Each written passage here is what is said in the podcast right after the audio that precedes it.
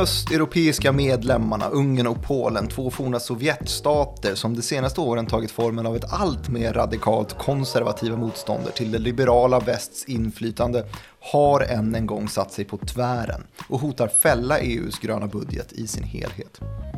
Det har kallats EUs Green New Deal, en Marshallhjälp för att dra det här blockets ekonomi upp ur coronapandemins spillror med gröna satsningar värda 750 miljarder euro.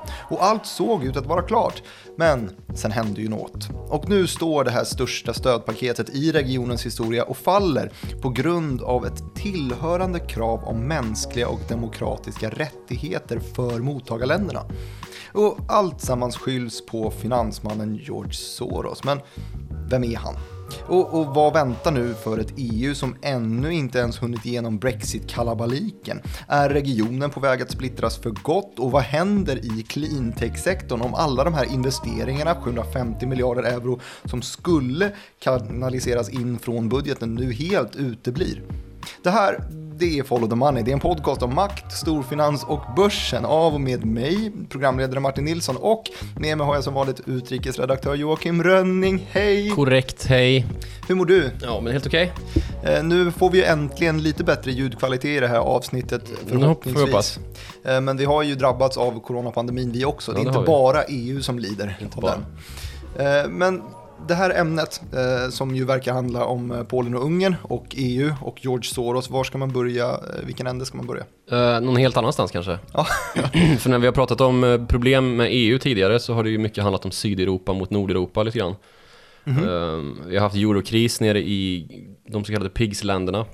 PIGS, det vet ju jag till och med vad det står för. Ja, Portugal, det Irland, Italien, Grekland och Spanien. Korrekt. Eh, och det är väl någon form av eh, sammanfattning av de länderna som inte hade så bra ekonomiskt. Ja, de grisade lite med budgeten och så kom man på att det här kan vi ju få ihop till PIGS med två i som sagt. Lite motsatsen till Frugal 4, vet du vad det står för?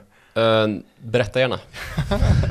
det är ju då alltså motsatsen här då, alltså de som har lite bättre koll på sina finanser, som Magdalena mm. Andersson gärna säger att de har sparat i ladorna. Mm. Det är då eh, Sverige, Eh, Danmark, Nederländerna och Österrike som räknas vara lite mer sparsamma. Ja, och det är ju nu det. Ehm, mm. Det var ju i förhandlingarna kring den här budgeten om hur stor den skulle bli och vilka som skulle få användning av den och sådär. För vi, vi uppe i Norden som har just eh, ladorna eh, lite i ordning mm. får ju inte så mycket del av de här EU-bidragen utan de går ju mer söderöver.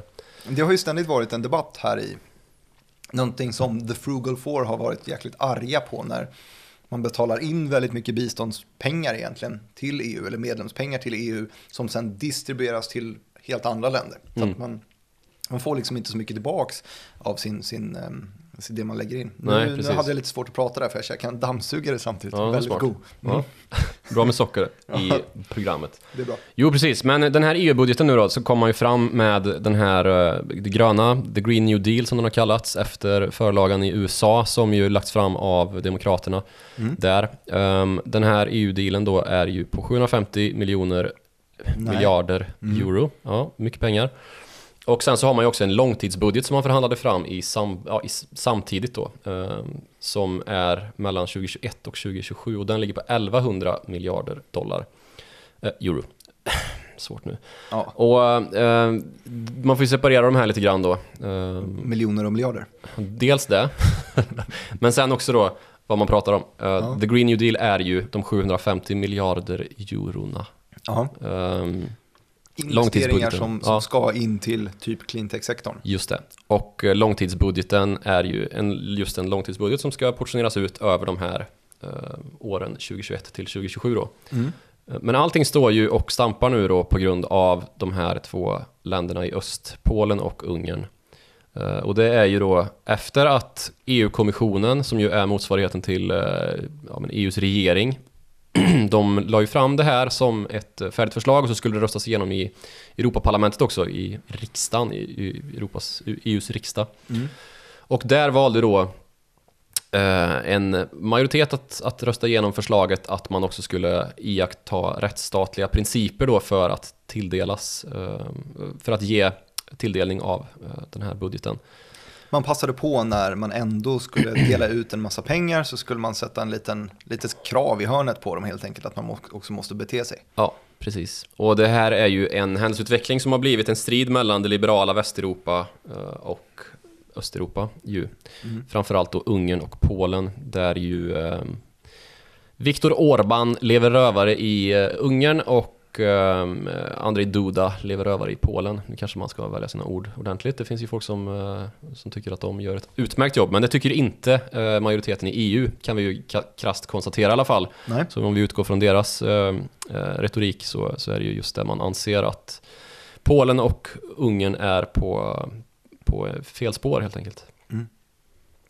Och om vi ska eh, kanske ska börja liksom i vad det är som gör då att Ungern och Polen sätter sig så brand, eller vad ska man säga, så, så, så himla tvärt på tvären.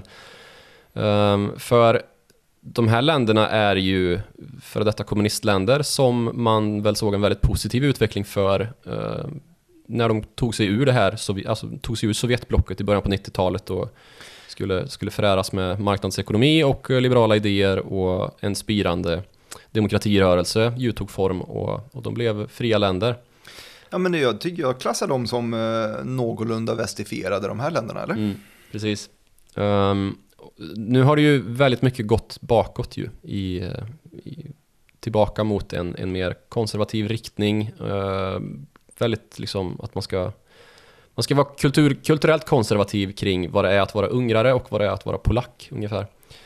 Lite, lite i samma veva som vi eh, också EU har stött på en, en flyktingkris. Som mm, det, här det har ju varit väldigt, väldigt, väldigt uh, påtagligt att det är där som skiljelinjen har dragits. Mm. Um, där där liksom man har börjat sparka bakut då i Polen och, och Ungern. Och det är ju länder som har Särskilt Ungern, uh, som ju var ett, ett transitland, uh, mm. där väldigt mycket, alltså till fots, om man, eller man säger, om, om man tar sig landvägen till till eh, Europa, Västeuropa, norra Europa så, så är det inte eh, så svårt att tänka sig att man hamnar i, uh, vid en ungersk gräns ju.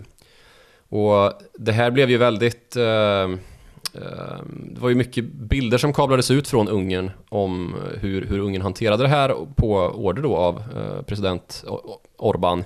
Mm. Där han ju uppförde staket och taggtråd runt gränserna mot Serbien och andra grannländer. Just för att stoppa invandringen rent fysiskt då.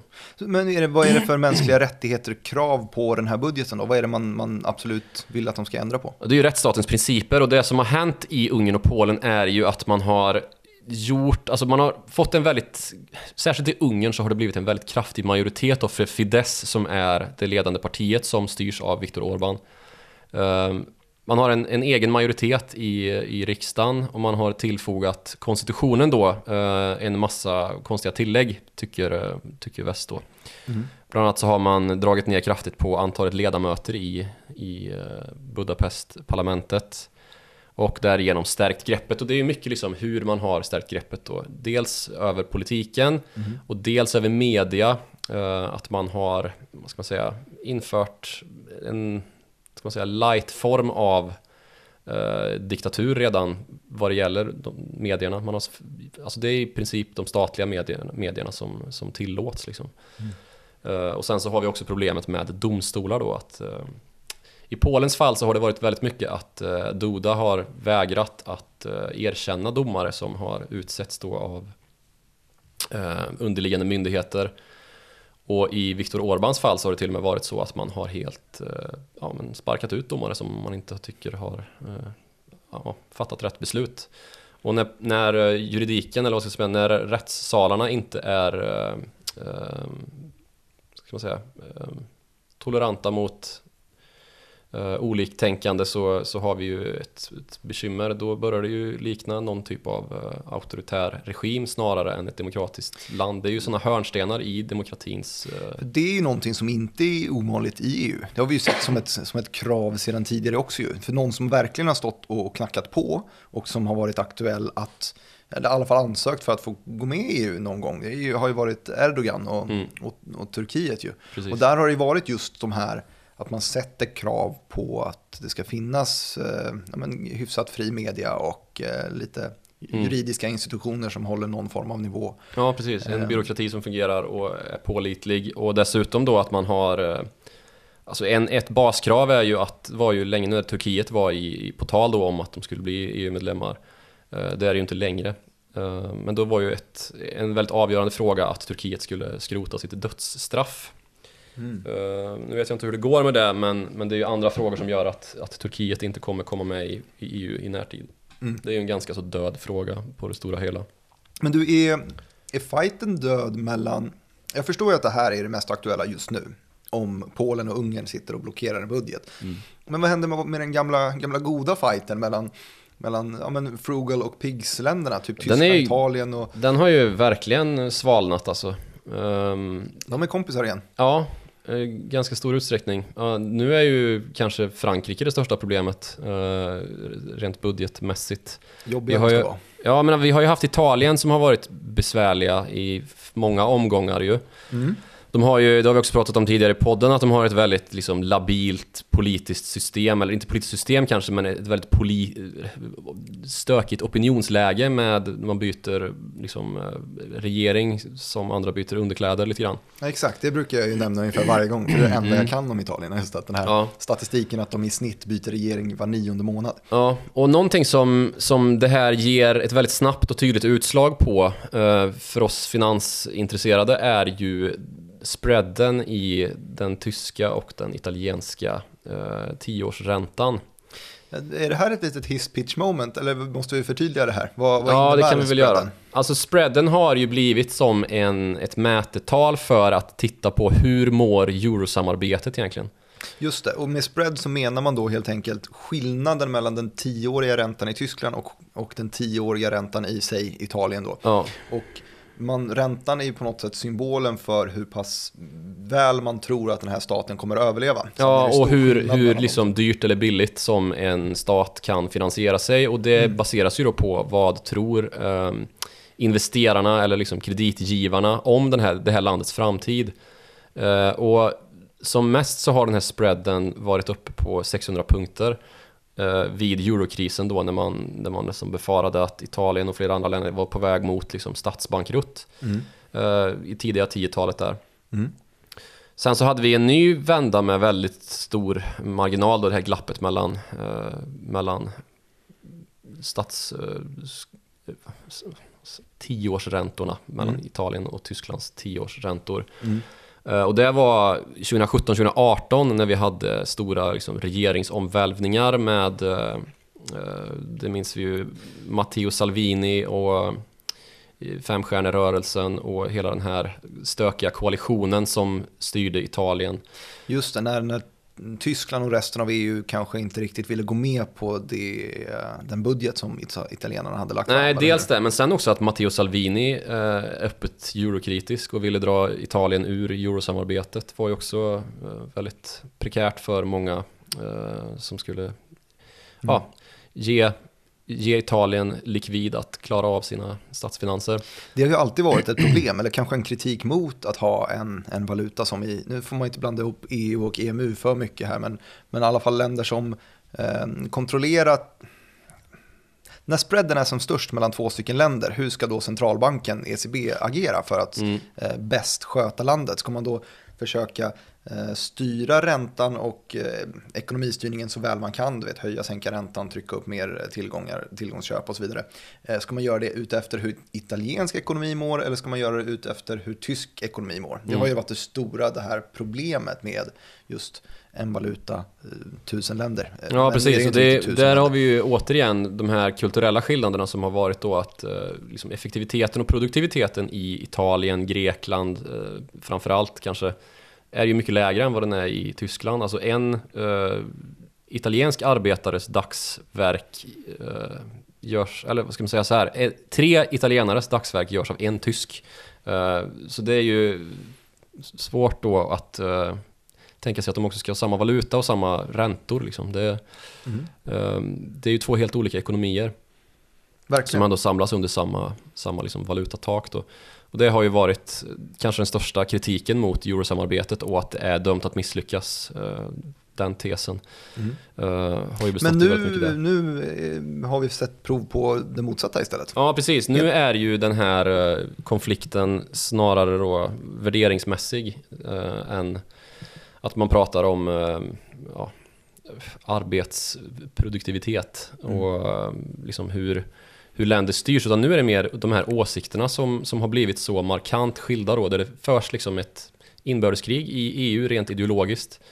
Eh, där liksom Polen och Ungern kan påstå att de här västerlänningarna de, de ägnar sig åt eh, liksom homoerotiska experiment. Vi ägnar oss åt att bygga eh, länder utifrån de vi är och där vi kommer ifrån.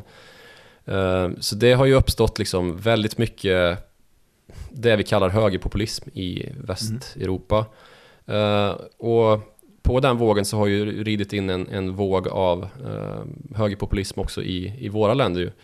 Eh, som ju samarbetar med de här partierna. Det finns ju gott om kopplingar till liksom, Le Pen i Frankrike som ju styr deras högerpopulistparti. Mm. Och till, ja men you name it, Alternativ för Deutschland och eh, även österut då. Det är där som man kanske liksom börjat oroa sig för att Ungern och Polen börjar blicka österut just mot forna arvfienden Ryssland och eh, just Turkiet.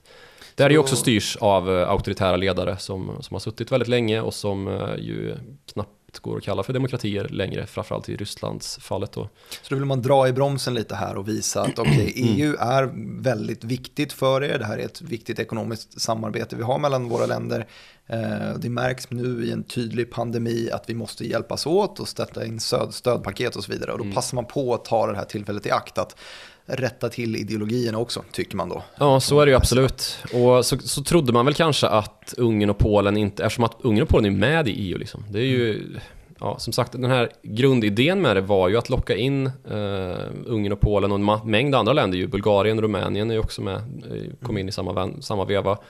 Eh, och först gav man dem NATO-medlemskap då, så att de verkligen skulle distansera sig från Ryssland. För det är ju där det handlar om, att man ska, man ska distansera sig från Ryssland och det forna Sovjet liksom. Och, eh, det är liksom gangstervälde som styr i Moskva. Mm.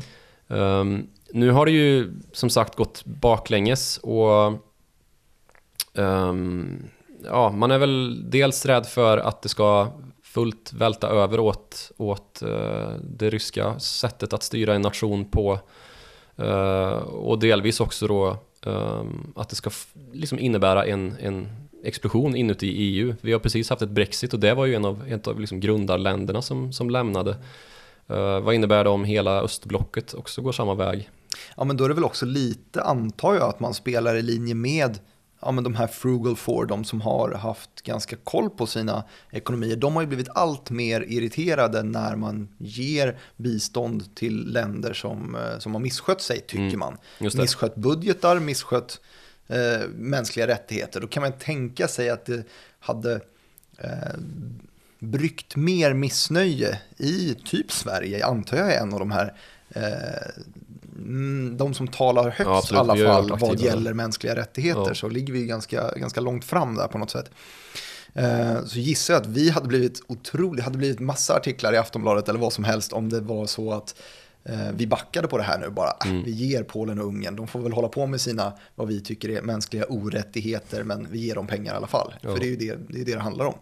Ehm, Precis. Så det är väl att, att, att blidka dem också. Ja, men man trodde väl då att, att uh, Orban framförallt, för det är ju han som har varit liksom stark man i det här caset då, det högerpopulistiska caset i EU. Man trodde väl att han skulle backa lite grann, att det här, för han, han kom ju med hotelser ganska tidigt när det började pratas om att man skulle införa den här eh, eh, alltså demokratiska principer, mekanismen i budgeten. Mhm. Man trodde kanske inte att han skulle skrida till verket, liksom, att han skulle faktiskt... eh, Man trodde att han, han bara bluffade. Att man kunde Ja, men lite grann att, han- att det var en del av hans politiska spel liksom. För de här pengarna kommer ju tillfalla Ungern också.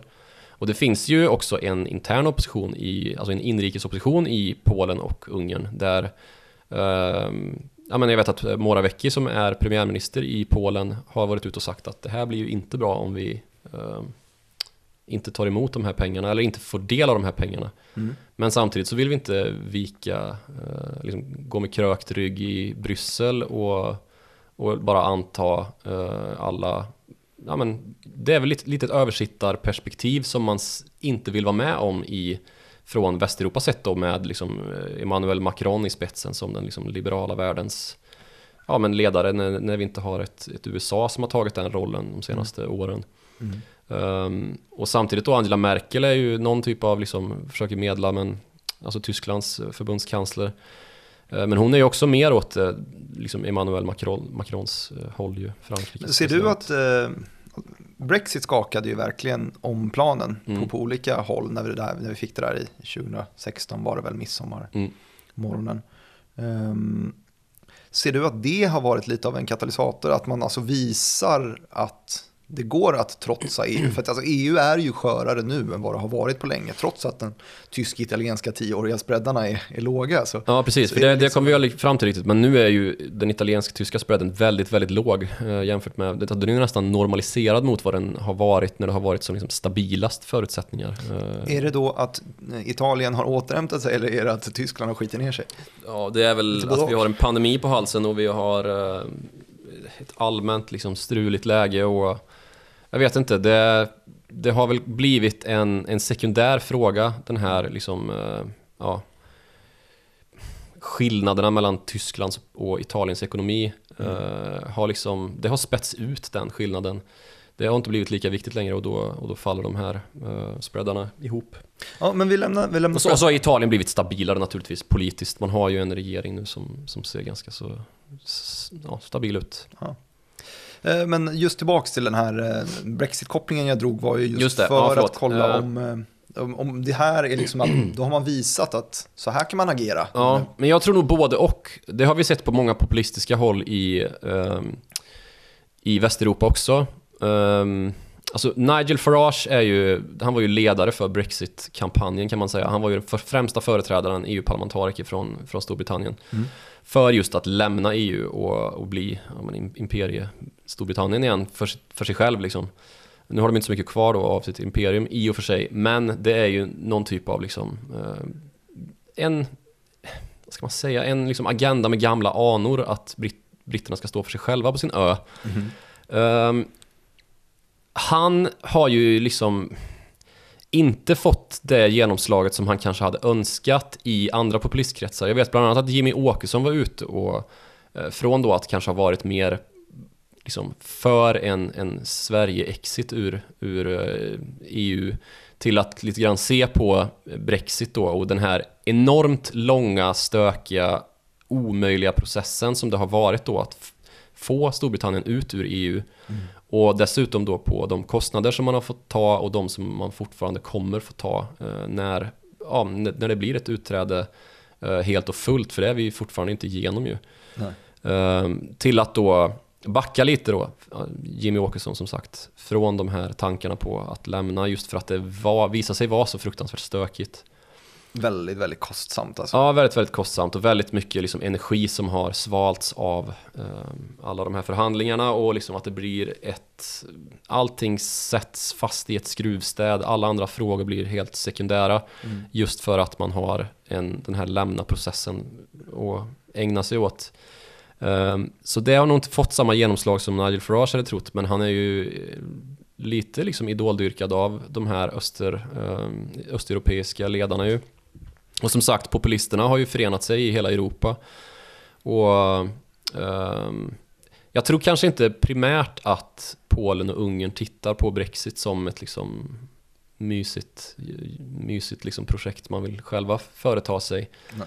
Men man vill samtidigt liksom stämma i bäcken med att vi tänker inte bli som er och då tittar man ju på uh, de liberala ekonomierna i väst som man tycker är står för idéer som man inte vill uh, ägna sig åt mm. med liksom en alltså en tolerans som man väl anser är så hög att man tolererar intolerans. Och det här blev ju som sagt väldigt framträdande just när uh, vet du, migrationsvågen mm. kom från eh, Syrien nu. Och även ja, eh, Afrikas östhorn och välde in i Europa. Då kan man vara försiktig med vad man kallar det, välde in, det var ju krig liksom. Mm. Men eh, det, det, det blev ju verkligen en, en skiljelinje mellan många länder i EU där ju vissa profilerade sig verkligen som att vi ska inte ta emot. Eh, det var ju väldigt liksom mak- makabra scener i Budapest kring tågstationer och dylikt när man liksom på en dag nästan bestämde sig för att nu ska alla ut liksom. Eh, inga Ja, det här är ju en debatt som ingen har missat. Det, Nej, precis. det lyser ju väldigt högt i, i Ja. Sverige också. Absolut. Ehm, men och det var ju just här i den här um, alltså migrationsströmmen börjar väl gå, ström är väl bättre än våg kanske, eh, lite mer Det, neutralt kallat. Men eh, migrationsströmmen började ju gå 2015 egentligen. Eh, men det var inte förrän 2017 faktiskt som, som Viktor Orbán ordentligt röt ifrån och blev, började leva rövare just som eh, EU ansåg i alla fall. mm. Och det var ju när han bestämde sig för att eh, stänga ett universitet i Budapest. Och det är ju mannen bakom det universitetet som vi också ska prata lite grann om idag. Eh, finansmannen George Soros. Kul! Honom nämnde som- jag här i, eh, introt också. ju. det. Han är ju född som eh, Georgi Schwarz i Aha. Budapest 1930.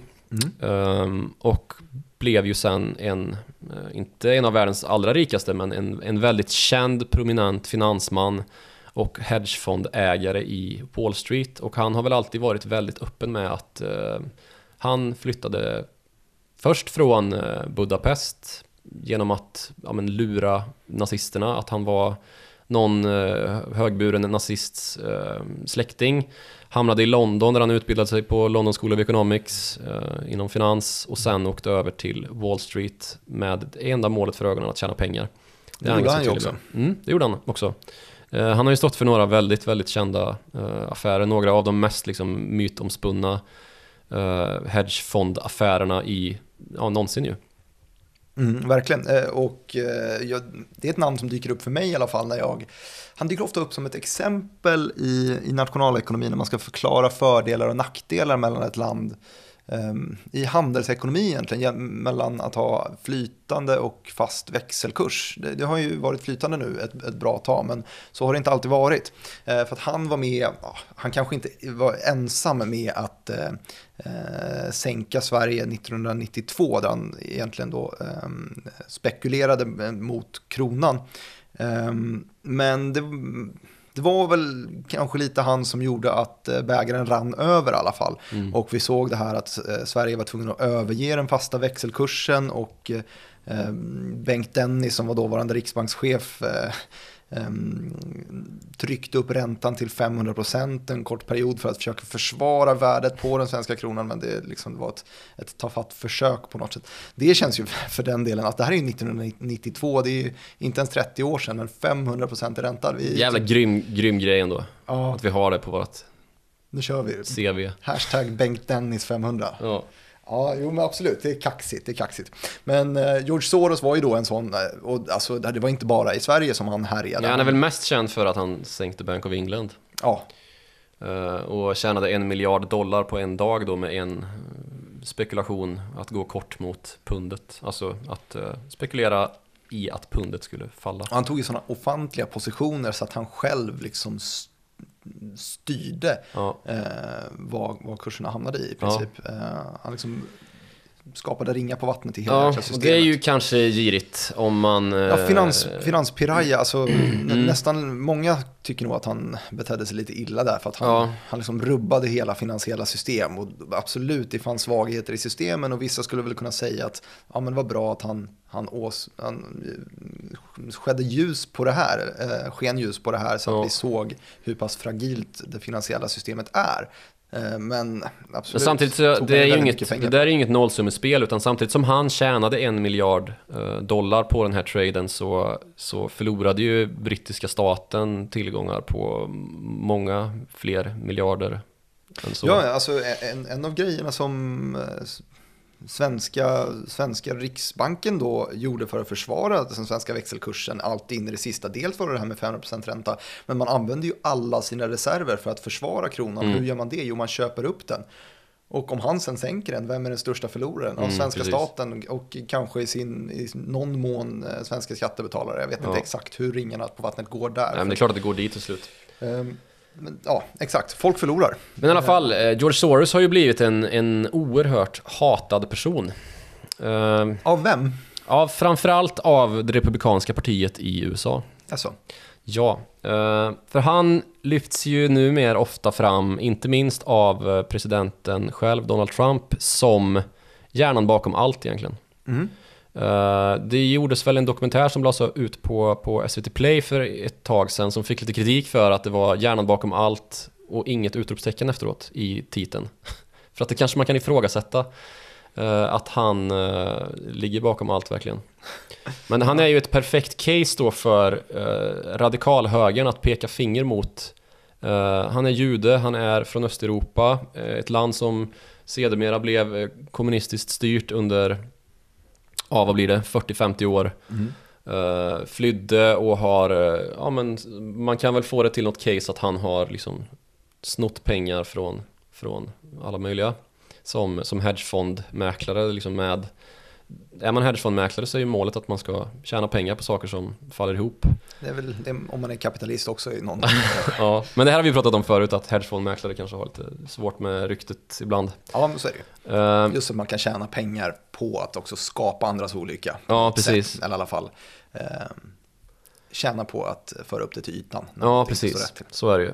Uh, men, men George Soros lyfts ju fram idag av ja, men allsköns höger som just eh, hjärnan bakom alla konspirationsteorier om att, eh, ja, kring politiskt liberala idéer eller rörelser som har kommit fram de senaste åren.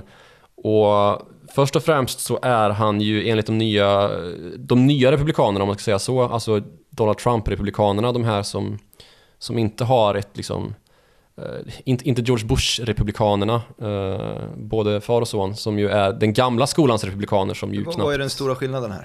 Ja men det är ju att republikanerna har gått i en så populistisk riktning mm -hmm. med Donald Trump. Och att han liksom har tagit, tagit makten i partiet och stöpt om det. Får väl se nu liksom om de, om de klarar av att vända tillbaks till det gamla eller om det nya är ett permanent stadium. Jag tror väl kanske att det blir svårt. Uh, Donald Trump har ju en oerhört liksom, markant ställning i det republikanska partiet idag. Mm. Men som sagt, de nya uh, Trump-republikanerna har ju liksom gjort, eller utsett Soros till en, uh, vad ska man säga, en marionettkung som drar i, i alla trådar om och, och styr då vad som händer i, i, ja men överallt i världen när det gäller liksom saker som republika, republikanska partiet anser är negativt mot sina egna konservativa värderingar. Mm.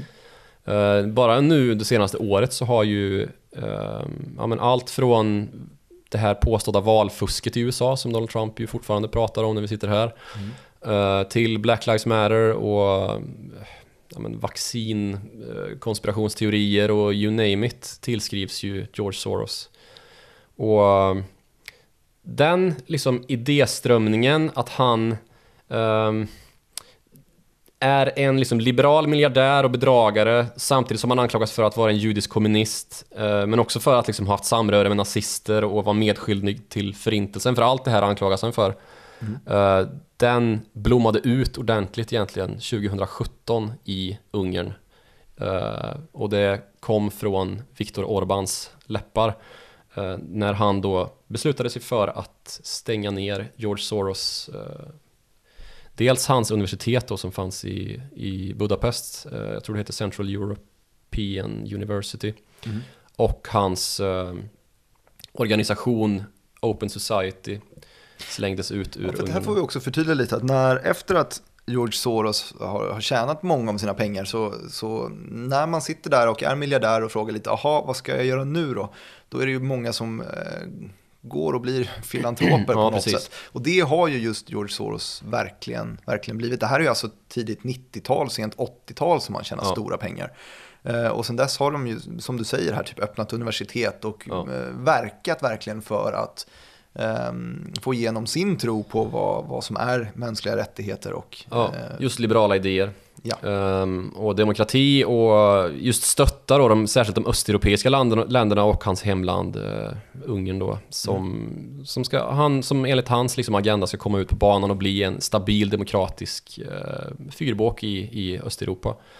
Och det här har ju stött på rejält med patrull nu ju.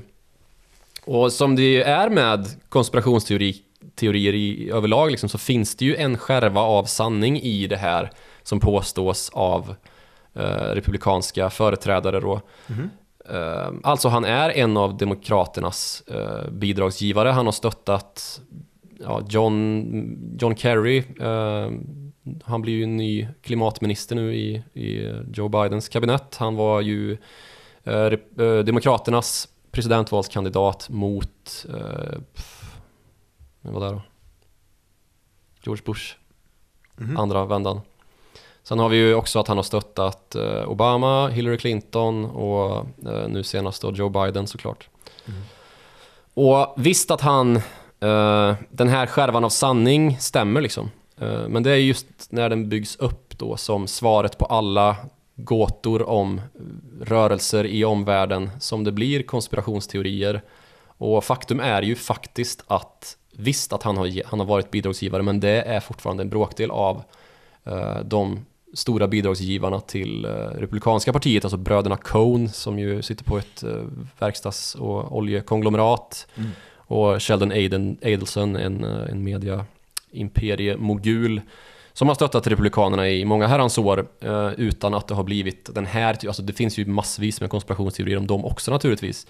Men det har inte riktigt fått den här koncentrationen i eh, ja, men de amerikanska högermedierna då, alltså Fox News till exempel som har plockat upp Är, är det mycket av hans eh, gamla anseende som ligger kvar? Då? För jag, jag vet ju att, eh, att George Soros har ju ett illa klingande namn efter just de här hårda åren, valutaspekulationsåren på något sätt. Så Mm. det kanske är något som ligger kvar i, i människors, eh, människors bakhuvud. Jo, det är väl just det är den- namn.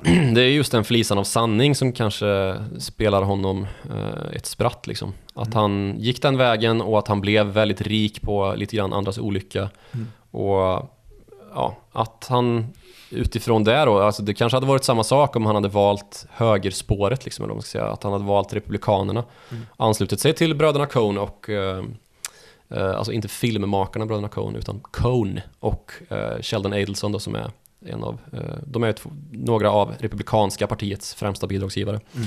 Och det är ju så politiken funkar i, USA ju, att eh, sponsorer. Det gäller ju att kunna berätta en historia och då är det en dramatik och ha lite bakgrund sådär också. Precis. Du, jag vill gå vidare till, eh, till någonting Mm. som jag tycker att vi har saknat i den här podden. Tycker alltid att vi saknar det. Och det är just den här börskopplingen. Jag vill ha mer sån. Och nu vet jag att du kan inte slinka undan eh, riktigt och prata så pass mycket historia till, även om jag tycker att det är trevligt. Bra gjort. Eh, och det är ju just för att det finns en fråga kvar och det är ju den här budgeten som då eh, eventuellt inte går igenom för att Polen och Ungern eh, står Mm. i vägen. Jag har en spekulation där som jag kanske kan yttra sen, men... eh, Ja, men först och den? främst så skulle jag vilja reda ut eh, vad vad är sannolikheten att den går igenom? Hur mycket av de här 750 miljarderna går till cleantechbolag sa Mm.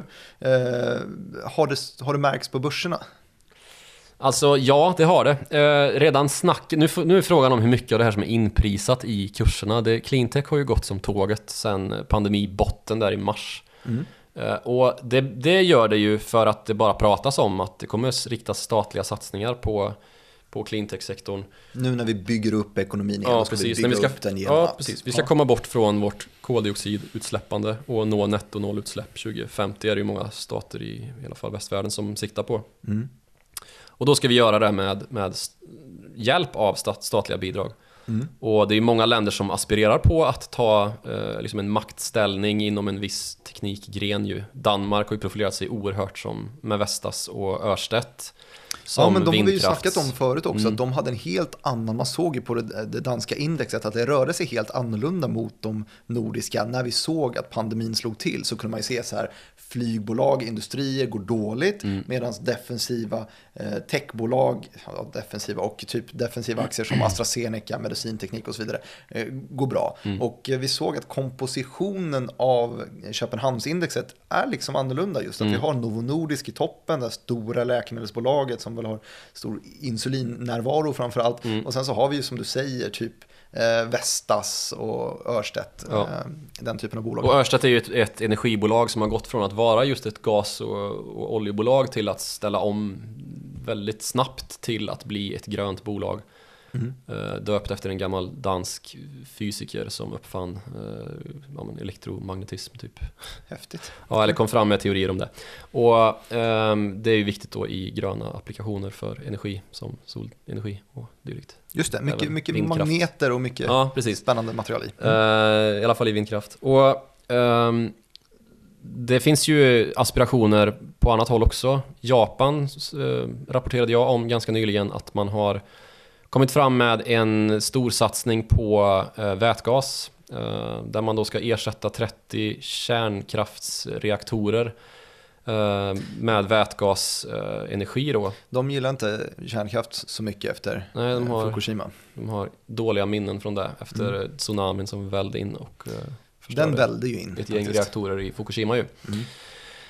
Eh, så där, där, finns det ju väldigt mycket aktivitet inom vätgas och mm. många av de svenska vätgasbolagen har ju um, startat upp olika projekt och till och med sålt, gjort affärer i, um, i Japan och Sydkorea också som har gått Det är ju ett av spår.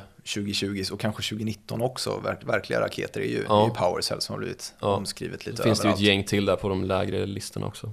Mm, gör det. Eh, men sen så har vi också ehm, på andra håll i världen då, Kina satsar ju hårt på solkraft. Nu är det ju så att det landet har ett enormt energibehov så det ser väl inte ut att riktigt kunna jämka upp mot all kolkraft man fortfarande kommer behöva.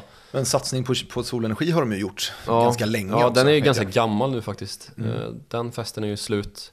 Men om vi tittar på Europa igen då och, och um, så, så har vi ju liksom väldigt mycket småbolag som har gått väldigt, väldigt starkt eh, på grund av snacket om att det kommer satsningar nu. Mm. Och som sagt, Örstedt då i Danmark, eh, jag tror skrev för första gången en nyhet som faktiskt eh, appellerade på den här EU-budgeten då, eh, den gröna budgeten, om ett projekt där eh, Örstedt och BP ska gå ihop och eh, ja, men fasa ut lite olja i någon, någon hamn och istället börja fokusera på vätgas då och då stod det i det pressmeddelandet från BP och Örstedt att man kommer eh, söka medel från EUs eh, gröna fond. Då. Ja men det tror jag att det är många bolag, alltså många bolag, många av de mindre bolagen också som jag intervjuar lite då och då så ja. är det ofta att man, hittills i alla fall så har man kanske inte kunnat peka eh, rent praktiskt på X, så här många kronor kommer jag få av EU-budgeten. Men man, mm. man man nämner att det är ett sånt surr i, i systemet i alla fall. Att det kommer komma pengar och vi, vi,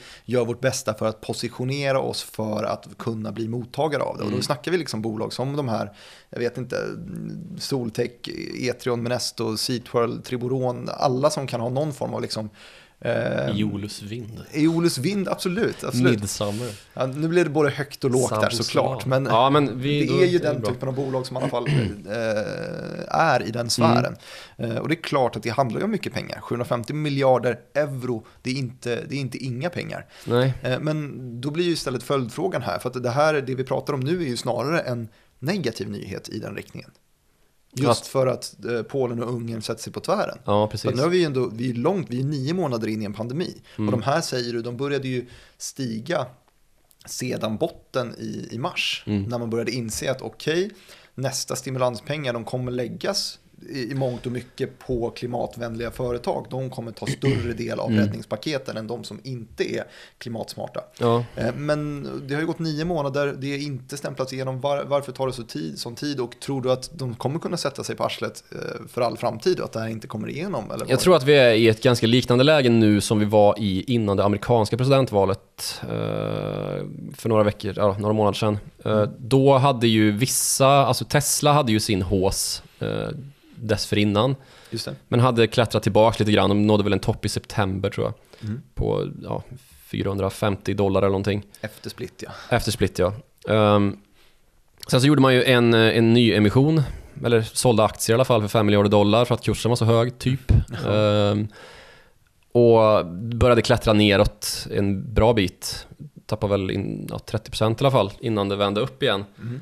Och vände upp igen ordentligt gjorde det ju när Joe Biden kom till, eh, till att vinna valet. Mm. Då blev det ju en duktig resa uppåt och nu eh, senast vi tittade på en graf så var den väl på 660. Mm. Eh, när man gjorde en ny sån här emission mm. eller aktieförsäljning för 5 miljarder dollar just för att kursen är så fruktansvärt hög. Eh, och det, det har gått så fruktansvärt snabbt.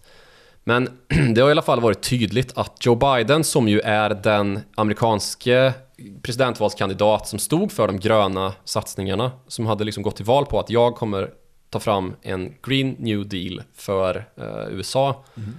Uh, och i den gröna dealen så ingår ju naturligtvis sånt som ja, men stöd till elbilar för att uh, konsumenterna ska kunna köpa elbilar. Ja. Och det har ju fått ett enormt eftertryck i börskurserna, inte bara för Tesla utan för alla, hela sektorns uh, utmanare. Där har vi mycket kinesiska bolag mm. som har blivit lite småsparargunstliga också ju, med ja, Nio till exempel. Och, Xpeng och, och Nio. Ja, ja Byd och allt vad de heter. Mm.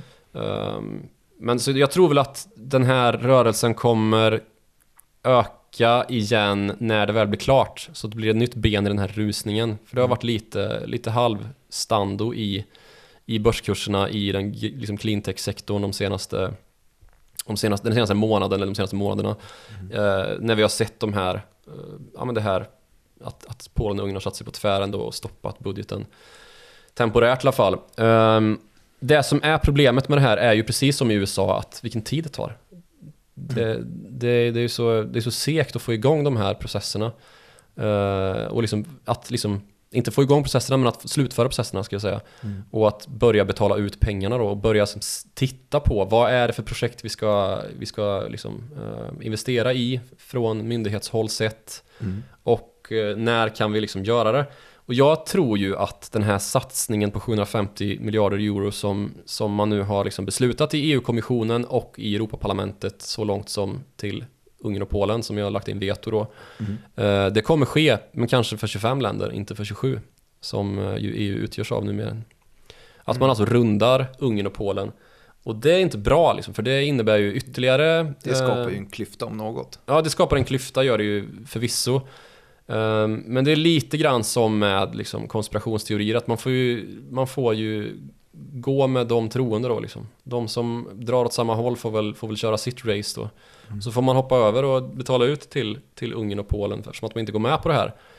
Uh, nu är väl risken att det innebär i, i sin tur då att, uh, att den, den, liberala hållningen blir, blir ett block i EU och att de andra står vid sidan av liksom. Och vad har vi ett EU för om inte att vara en union?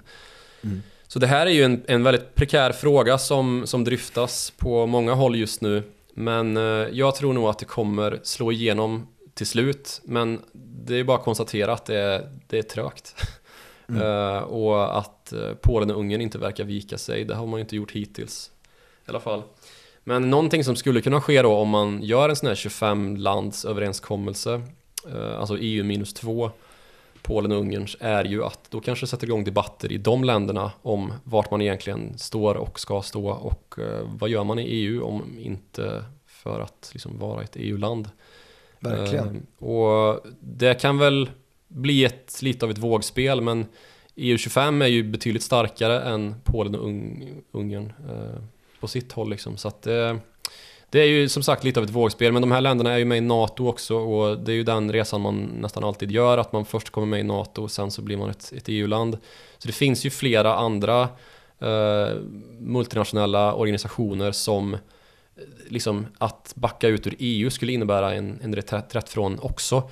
Um, och den reträtten är betydligt skörare för ett land som Polen eller Ungern än vad det är för Storbritannien som ju ändå har en väldigt långsiktig etablerad uh, kontakt med NATO och eh, ja, men fortfarande anser sig vara allierat med Europa även om man inte är med i EU. Liksom. Mm. Uh, så att huvudspåret i sig är ändå att pengarna kommer, kommer nå fram uh, till de här företagen. Ja, det är nog mest en fråga om när skulle jag tro. Joakim, vi har snackat nu om, eh, ja, vi började väl någonstans i, eh, i min inledning med Polen och Ungern, ramlade ner snabbt och raskt till EU-budgeten, där vi eh, pratade lite grann om eh, fyra stycken frugal countries, eh, alltså lite mer länder som hade sparat i ladorna, och sen så gick vi ner till PIGS, det motsatta, och den här gamla Eh, om... Gamla och nya konflikter ja, gamla och nya konflikter, anrika debatten som ramlade ut i att du skulle berätta om vad spreadar var för någonting mellan Tyskland och Italien. Eh, och sen så tog vi en omväg till Turkiet som vi menar har stått och knackat på EU men har fått nej på grund av mänskliga, rättigheters, eller mänskliga orättigheter. Eh, och att det ledde oss in till Polen och Ungern som nu står inför och knackar på samma dörr fast eh, vägrar delta i, eller vägrar släppa igenom en budget just för att de eh, inte uppfyller mänskliga rättigheterna och kraven. Och sen så snackade vi om eh, George, eh, George Soros. Soros. Så heter han. Vad hette han från början sa du? Eh, Georgi Schwarz heter han från början. Georgi Schwarz, det var det jag försökte komma ihåg men jag snubblade på det istället. Eh, Vi snackade om hur han eh, levde som en finanshaj på 80-90-talet och sänkte hela valutor. Eh, Hans head-to-head mot Bengt Dennis vann han eventuellt trots att Bengt Dennis smällde upp 500% i ränta och försökte försvara kronan. Så fick det bli som det blev. Eh, George Soros blev snorrik istället. Eh, och nu är det andra som ska bli snorrika. Eh, hoppas EU som vill bygga upp eh, de, europeiska ekonomierna igen efter den här pandemikrisen med 750 miljarder euro som ska landa någonstans i cleantech-företagen sannolikt. Men det var ju som sagt bara en fråga om när de får pengarna på posten. Tror vi i alla fall. Tror vi. Som inte tror någonting. Att vi är neutrala bevakare. Det är vi. Eh, Och med de orden, att vi är neutrala bevakare, så skickar vi neutrala och glada hälsningar till er som har lyssnat. Eh, Och vill gärna att ni kanske skickar eh, eventuellt lite, lite Ja. bi- biased recensioner. Hör av er. Ja, snälla recensioner. Eh, Och Mest i alla fall. mest snälla recensioner. Och eh, trevliga mejl kan man skicka på followthemoney@direkt.se. Man kan också nå oss på Twitter där vi båda är väldigt aktiva. Eh, dig når man på snabla Joakim Ronning. Och dig når man på snabla direkt Martin. Det gör man. Men lägg lite vikt på de här recensionerna nu för det mår vi bra av. Och algoritmerna. Och då kan vi ju göra lite mer sådana Ja, algoritmerna ligger ju faktiskt och sackar efter att vi missade ett litet avsnitt härom, härom veckan där du var lite krasslig. Jag var jättesjuk. Annars Jättesjuk. hade jag inte ställt in. Nej, men du hade ändå inte covid visar det sig. Nej, sopigt av mig. Ja, Nej, man vill inte ha covid. trist.